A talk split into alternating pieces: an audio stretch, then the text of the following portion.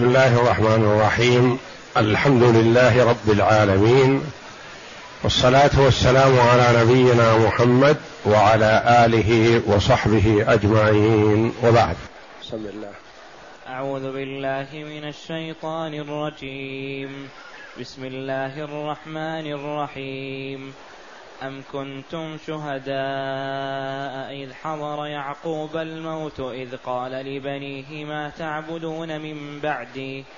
قالوا نعبد إلهك وإله آبائك إبراهيم وإسماعيل وإسحاق إلها واحدا ونحن له مسلمون تلك أمة قد خلت لها ما كسبت ولكم ما كسبتم ولا تسألون عما كانوا يعملون.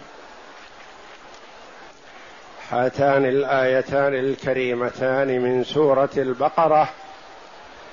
جاءتا بعد قوله جل وعلا ووصى بها إبراهيم بنيه ويعقوب يا بني إن الله اصطفى لكم الدين فلا تموتن إلا وأنتم مسلمون. أم كنتم شهداء إذ حضر يعقوب الموت؟ الآيتين. قيل في سبب نزول هذه الآية الكريمة أم كنتم شهداء إذ حضر يعقوب الموت حينما جاء نفر من اليهود إلى النبي صلى الله عليه وسلم فقالوا له ألست تعلم أن يعقوب وصى بنيه باليهودية عند موته. كأنهم يريدون أن يقرروا النبي صلى الله عليه وسلم بهذا. ألست تعلم أن يعقوب وصى بنيه عند موته باليهودية؟ والنبي صلى الله عليه وسلم لا يعلم ذلك ولم يحصل. فأنزل الله جل وعلا ردا لقولهم وإبطالا له أم كنتم شهداء إذ حضر يعقوب الموت؟ ما كنتم شهداء حتى تقرروا هذا وتقولوه بل يعقوب عليه السلام حينما حضره الموت سأل بنيه ما تعبدون من بعدي يريد أن يطمئن على عقيدتهم وعلى منهجهم بعد موته. هو يعلم عنهم حال حياته أنهم على الدين وعلى الإسلام لكن يريد أن يسألهم بعد رحيله عنهم ما تعبدون من بعده فأجابوه بما يسره ويفرحه ويطمئنه على صحة معتقد أولاده. وهذا من أهم ما يوده المرء ويحبه إذا كان على نهج الإسلام مستقيما يحب أن يتبعه بنوه وعشيرته وكل من يحبه في الله أن يتبعه على ذلك. أم كنتم شهداء؟ أم هذه تأتي بمعنى بل والهمزة وتأتي بمعنى بل فقط وتأتي بمعنى الهمزة فقط. فإذا كانت أم منقطعة فهي بمعنى بل والهمزة. أم كنتم شهداء يعني حضور. ما كنتم حضور لأنه الخطاب هنا لمن كان في عهد النبي صلى الله عليه وسلم. وبينهم وبين يعقوب عليه السلام مئات السنين. ما كنتم شهود حتى تقولوا هذا القول. وما قال هذا القول. ما وصى يعقوب بنيه باليهودية التي تزعمون. بل اليهودية مبتدعة كما قال العلماء قالوا هي مبتدعة بعد عيسى على نبينا وعليه أفضل الصلاة والسلام. لأن دين الأنبياء السابقين كلهم الإسلام. أبو الأنبياء الذين جاءوا من بعده إبراهيم عليه السلام. وكما قال الله جل وعلا ما كان إبراهيم يهوديا ولا نصرانيا ولكن كان حنيفا مسلما كان مسلم. وقال الله جل وعلا إنا أنزلنا التوراة فيها هدى ونور يحكم بها النبيون الذين أسلموا للذين هادوا والربانيون والأحبار. يحكم بها النبيون الذين أسلموا. فدين الأنبياء عليهم الصلاة والسلام كلهم الإسلام وهو الاستسلام لله بالتوحيد عبادة الله وحده هذه دين الأنبياء كلهم. وكما قال عليه الصلاة والسلام نحن معاشر الأنبياء أولاد علات أولاد نساء متعددة أبونا واحد أولاد علات الدين واحد والعقيدة واحدة والشرائع مختلفة. يعني الشريعة الأحكام الفقهية مختلفة. الصلاة صلاتنا تختلف عن صلاتهم. صيامنا يختلف عن صيامهم. الواجب علينا في الزكاة يختلف عن الواجب عليهم في الزكاة. وإنما الدين والضروريات الخمس التي جاءت بها الشرائع السماوية واحدة. حفظ الدين وحفظ النفس والمال والعقل وخمسة النفس والدين والمال والعقل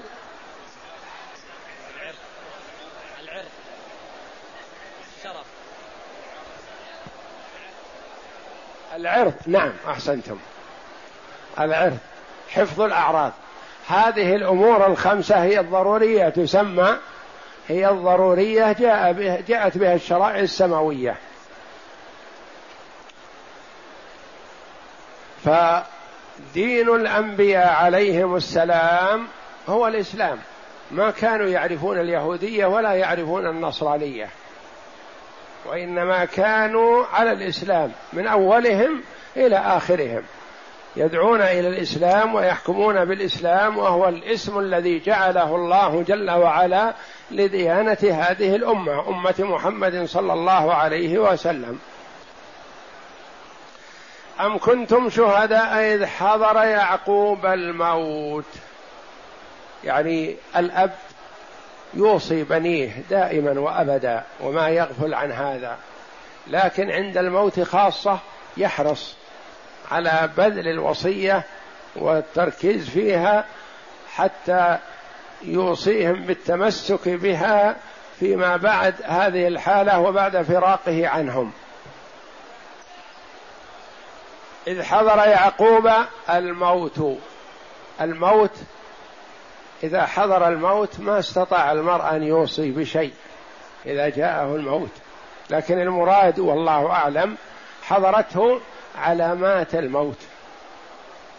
يعني علامات الموت أدرك أنه ميت.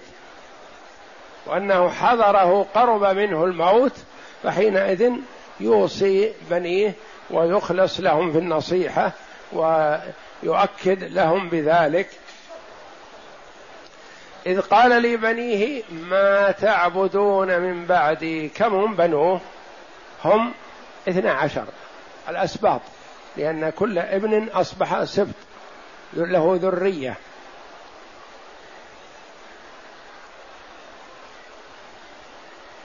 ويعقوب هذا هو إسرائيل وهو أبو يوسف عليهم الصلاة والسلام.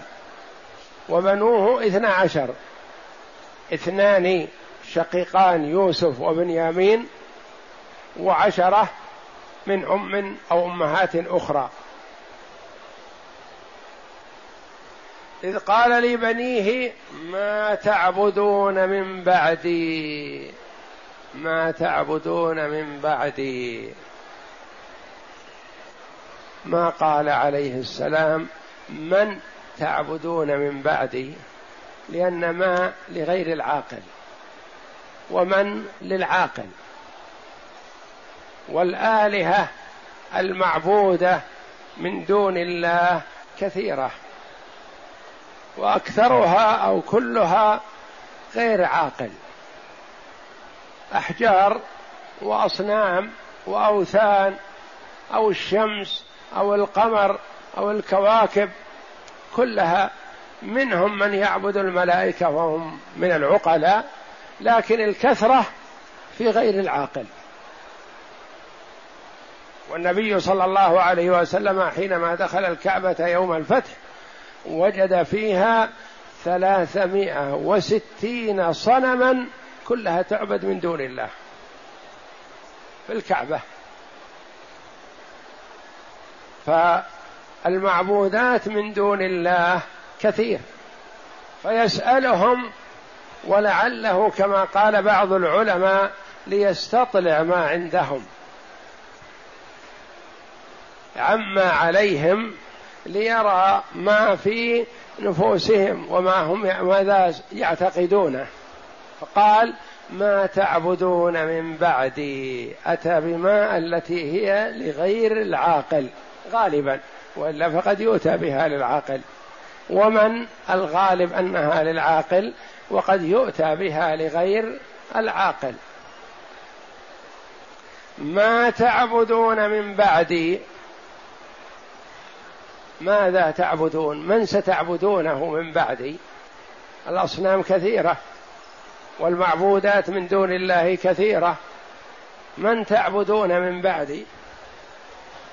أجابوه قالوا نعبد إلهك. ما قالوا آلهتك؟ قالوا إلهك. إله واحد. نعبد إلهك. وإله آبائك. آباء. إبراهيم وإسماعيل وإسحاق. نعبد إلهك وإله آبائك. ما أتوا بواو العطف إلهك وآبائك حتى تكون الآباء معبودة من دون الله.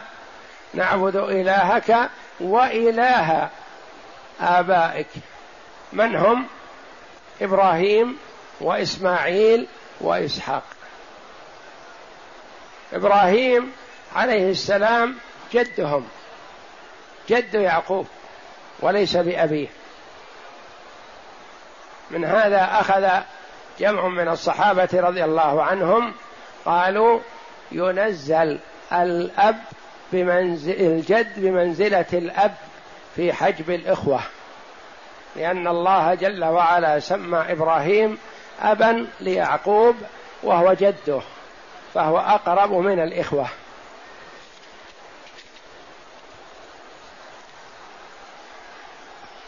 ويقول أحد الصحابة رضي الله عنهم ألا يتق الله زيد؟ يجعل ابن الابن ابنا ولا يجعل أبا الأب أبا لأن مذهب زيد كما تقدم لنا في الفرائض أنه لا يجعل الجد بمنزلة الأب في حجب الإخوة وإنما يشترك وإياهم. وإسماعيل ليس بأب ليعقوب وإنما هو عمه أخو أبيه. وإسحاق هو أبوه. فبدأ بالجد أولا لمنزلته ثم ثنى بالعم ثانيا لأنه أكبر سنا من الأب. وأبو محمد صلى الله عليه وسلم وثلث بأبيهم إسحاق عليهم الصلاة والسلام. ثم أكد هذا بقوله إلها واحدا يعني لا آلهة متعددة. وليس لكل نبي من هؤلاء الأنبياء إله. بل إلهك وإله آبائك إله واحد. لا نعبد إلا إلها واحدا وهو الله جل وعلا وحده لا شريك له. وإله آبائك إبراهيم وإسماعيل وإسحاق إلها واحدا. والعرب كثيرا ما تسمي العم أبا. والنبي صلى الله عليه وسلم يقول أما علمت أن عم الرجل صنو أبيه وكذلك كثيرا ما تنزل الخالة بمنزلة الأم. فقد جاء الخالة بمنزلة الأم وسماها الله جل وعلا مع أبي يوسف عليه السلام ورفع أبويه على العرش وخروا له سجدا. رفع أبويه ورد أنها أنه أبوه يعقوب عليه السلام وخالته زوجة أبيه التي تزوجها بعد وفاة أم يوسف.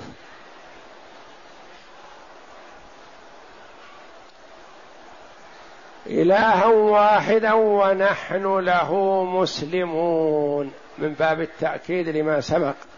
نعبد إلهك وإله آبائك.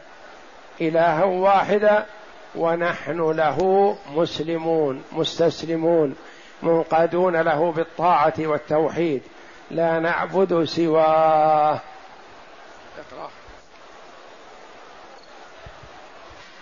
يقول تعالى محتجا على المشركين من العرب أبناء إسماعيل عليه السلام وعلى الكفار من بني إسرائيل بأن يعقوب لما حضرته الوفاة وصى بنيه بعبادة الله وحده لا شريك له فقال لهم ما تعبدون من بعدي؟ قالوا نعبد إلهك وإله آبائك إبراهيم وإسماعيل وإسحاق وهذا من باب التغريب لأن إسماعيل عمه.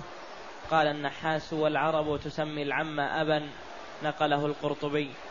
وقد استدل بهذه الآية الكريمة من جعل الجد أبا وحجب به الإخوة كما هو قول الصديق رضي الله عنه حكاه البخاري أبو بكر الصديق رضي الله عنه يرى أن الإخوة يحجبون بالجد فالجد بمنزلة الأب.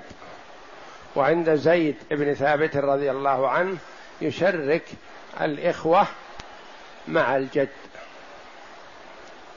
نعم.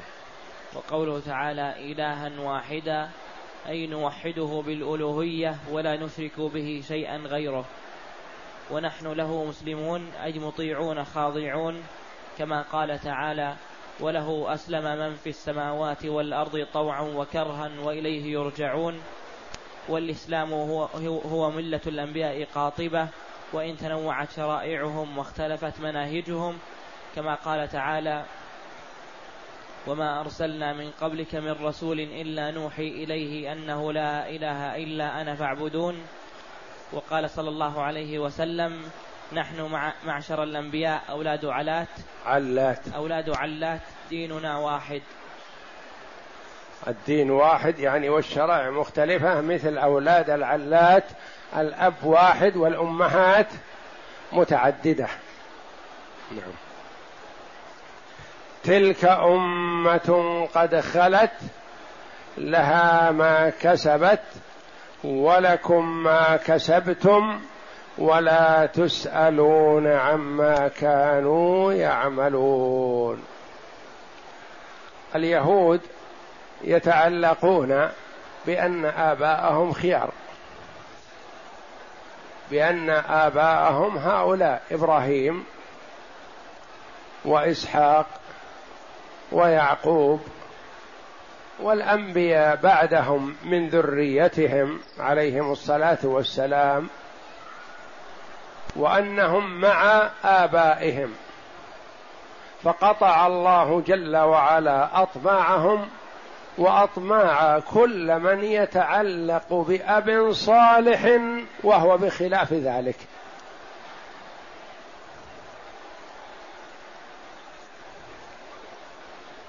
فالذرية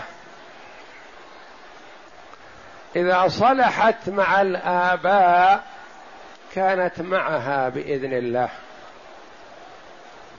وإذا فسدت الذرية واختلفت عن الآباء فإنه لا ينفع الذرية صلاح الآباء حينئذ. ينتفعون بهم إذا كانوا صلحاء مثلهم.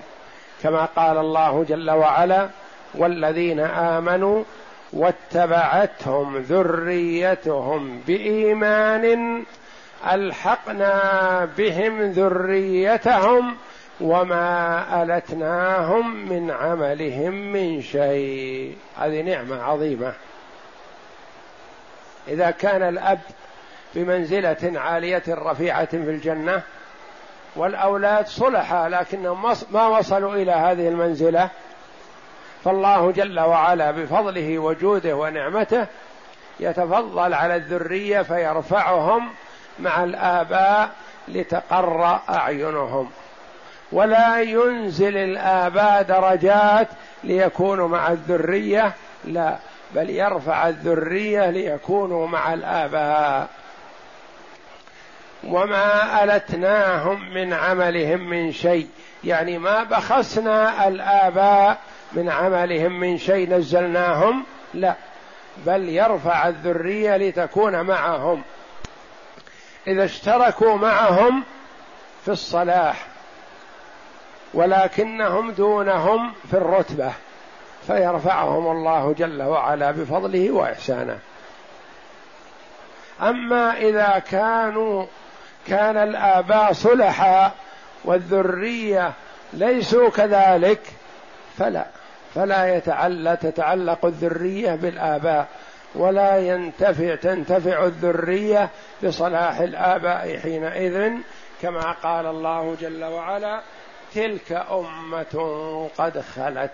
يعني هؤلاء الأنبياء الأخيار الذين هم آباؤكم معشر اليهود. أمة قد خلت مضت وذهبت. لها ما كسبت من الأعمال.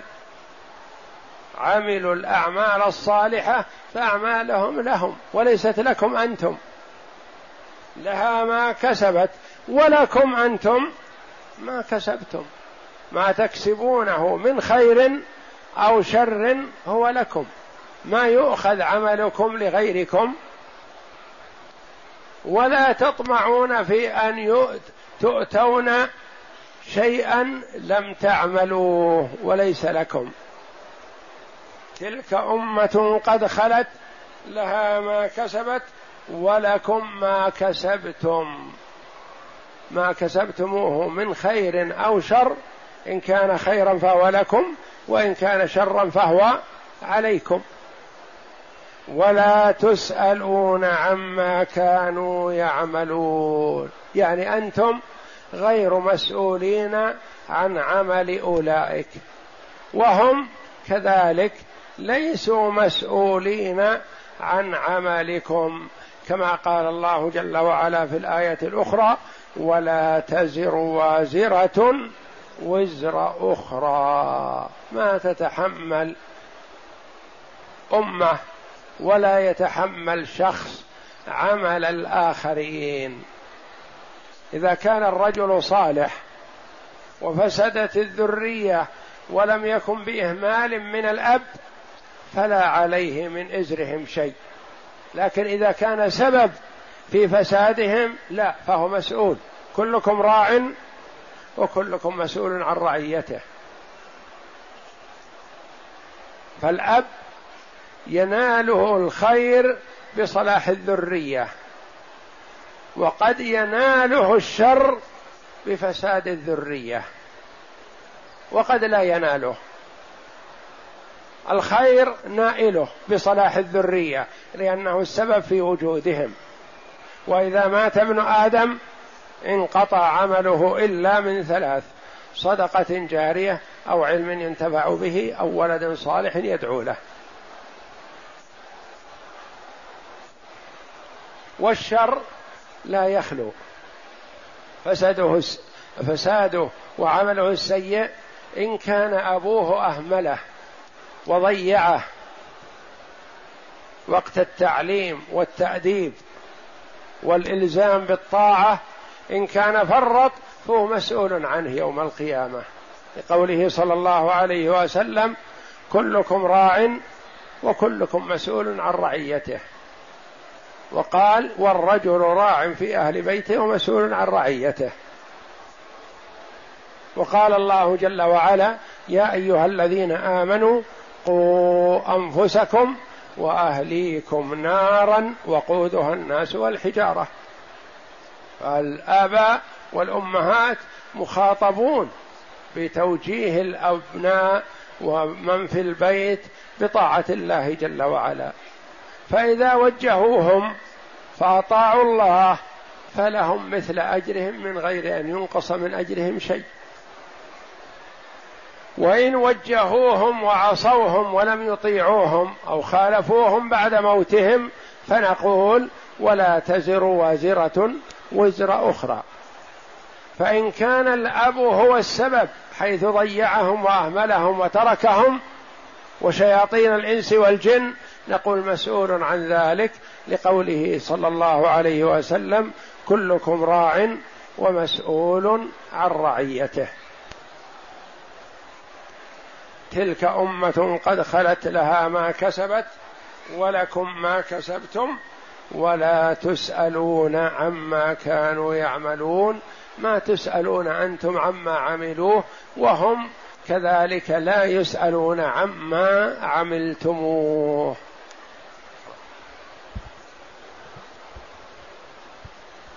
قول الله تعالى تلك أمة قد خلت أي مضت لها ما كسبت الذين هم هؤلاء الآباء إبراهيم وبنوه ويعقوب وبنوه نعم.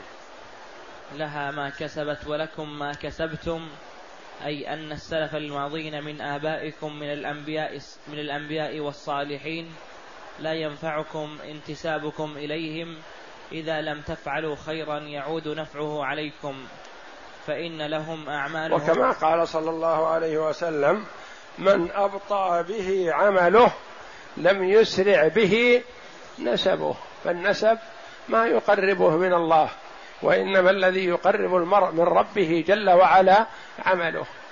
والله جل وعلا يقول تبت يدا أبي لهب وتب. وهو عم النبي صلى الله عليه وسلم. فإن لهم أعمالهم التي عملوها ولكم أعمالكم وقول الله تعالى ولا تسألون عما كانوا يعملون جاء في الأثر من أبطأ به عمله لم يسرع به نسبه. هذا في الحديث الصحيح في صحيح مسلم.